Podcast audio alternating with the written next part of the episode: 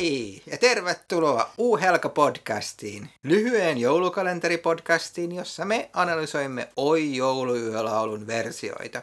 Mun nimi on Tomi. Ja minä olen Johanna. Me ei olla muusikoita tai musiikkitietäjiä, mutta se ei tietenkään estä meitä esittämästä erinäisiä mielipiteitä tästä laulusta.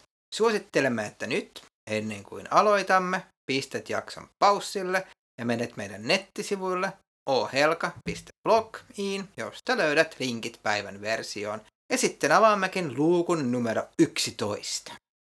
Hej och välkomna till podcasten O helga, en liten kvart där vi analyserar olika versioner av sången O helga natt. Jag heter Johanna. Jag heter Tommy. Vi är varken musiker eller musikvetare, men det hindrar förstås inte oss från att ha en massa åsikter om sången.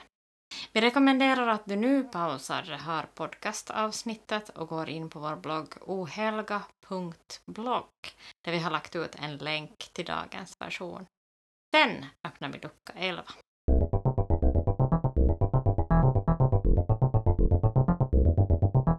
Se oli Valtteri Torikan versio Oi jouluyöstä. Valtteri Torikka on siis suomalainen oopperalaulaja, baritoni, joka on syntynyt vuonna 1984 Tampereella.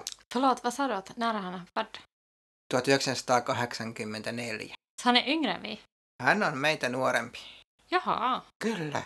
Mutta hän on käynyt samaa lukiota kuin minä, Jaha. mutta myöhemmin. Oho.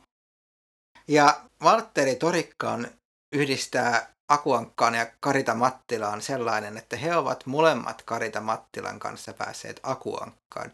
Karita Mattila on esiintynyt laulajana nimeltä Marita Kattila Akuankassa ja Valtteri Torikka on esiintynyt Voltteri Tarakkana, jossa hän oli osanottaja fiktiivisessä talentkisassa. Aha. Tätä, niin kuin sanottua, Valtteri Torikka syntyi ja kasvoi Tampereella ja hän piti musiikista jo päiväkoti-iässä ja rakasti myöskin esiintymistä ja Wikipedia kertoo, että kylään saapuneet vieraat eivät saaneet rauhaa ennen kuin viisivuotias Torikka oli saanut esiintyä. Repertuaarissa oli muun muassa Matin ja Tepon sekä Kikan lauluja. Tästä tuli mieleen, että onko Wikipedia editoinut Valtterin vanhemmat vai mistä näitä tietoja tulee. Tota, kuitenkin hä- hän on opiskellut Sibelius Akatemiassa ensin kirkkomusiikin puolella.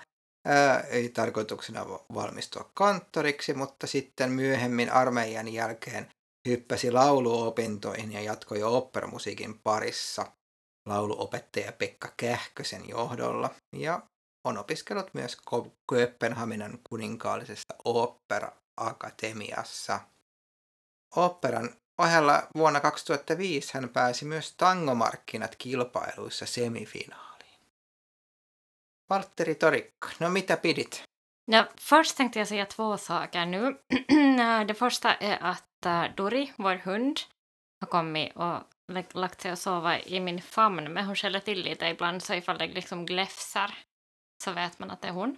Mm. Äh, Den andra saken är att förlåt Valtteri, jag kommer att säga Torakka varenda gång jag säger ditt efternamn för att jag får inte få ditt Torikka Mm. efternamn att sitta i min mun. Jag glömmer hela tiden bort det. Mm. Så det ber jag faktiskt ärligt om ursäkt för. Mm. Mm, den på förhand.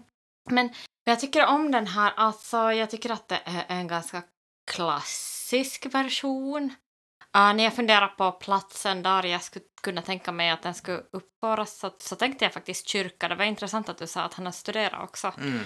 Mm, för liksom det här med kyrkomusik. För att det var där jag såg det här framförandet framför mig. Vad tyckte du? No joo, siis klassinen. Siinä oli mun mielestä se vähän tällainen amerikkalaisen lämmin alkusoitto ja se koko se oli sellainen niin kuin erilainen näihin verrattuna muihin näihin oopperalaulajien, jotka olivat sellaisia eri lailla klassisia. Sekä tämä oli lähempänä sit sitä Pavarottia, Mm. mutta tämä oli paljon pienempi konserttisali jollain Mm. tavalla ehkä sitten. E, se vähän sellainen huohteleva, sellainen huohteleva möreä ääni, joka toimii ihan hyvin, mutta se oli musta vähän jännä, että siinä oli sellaista niin kuin huohtelua ja tällaista. Ja. Muuten aika varma ja sellainen niin voimakas ääni. det har, um, jag tänkte när jag hörde på den här versionen att, att det liksom det som du har tidigare sagt om, om andra versioner, att de går igenom någon slags transformation där, så tyckte jag att det var lite samma här. Alltså det börjar Mm. med den här kyrkan. Sen mitt i allt så blev det någon slags mellanspel som gjorde att, att jag mitt i allt hamnade på teatern och såg vet du, någon Mm. pers, litet barn, kanske i fjärilsdräkt, som dansar förbi. Mm. Uh, så, så det var lite sådär överraskande. Mm, joo, lite, lite så här musikteater. Ja ehkä se on, että se on enemmän niin kuin se kuulostaa just se, se operetilta. Se, Mm. se on ehkä se, niin kuin se, miten se, mä oon tähän pistänyt, että se välillä on sellaisia outojakin versiointeja. Se menee ylös tai alas tai menee vähän eri nuottiin ihan tarkoituksella tai sitten sitoo sanoja yhteen. Että siitä tulee vähän sellainen niin kuin operettifiilis Joo. enemmän kuin, niin kuin oopperafiilis. Joo, ja det är kanske det som jag letar efter här med. Tai sitten se oli jotenkin, mä mietin, että kun ollaan näitä vuosikymmeniä mietitty, niin tämä oli selvästi niin kuin 2000-lukua jotenkin. Joo, Ei, ei missään tapauksessa ai- aiemmin jotenkin Nej. se äänimaailma. Ja, kanske lite sådär bruks och Mm. Helga natt också. Att det är vackert. Men, äh, men jag fick kanske inte känslan av att det här var hans hjärteprojekt. Mm, kyllä. Tuuden. Ja tästä pääsemmekin sitten itse pihviin. Miten meni viimeinen Oi jouluyölaulu? Ja, hur gick det med tonen? Hur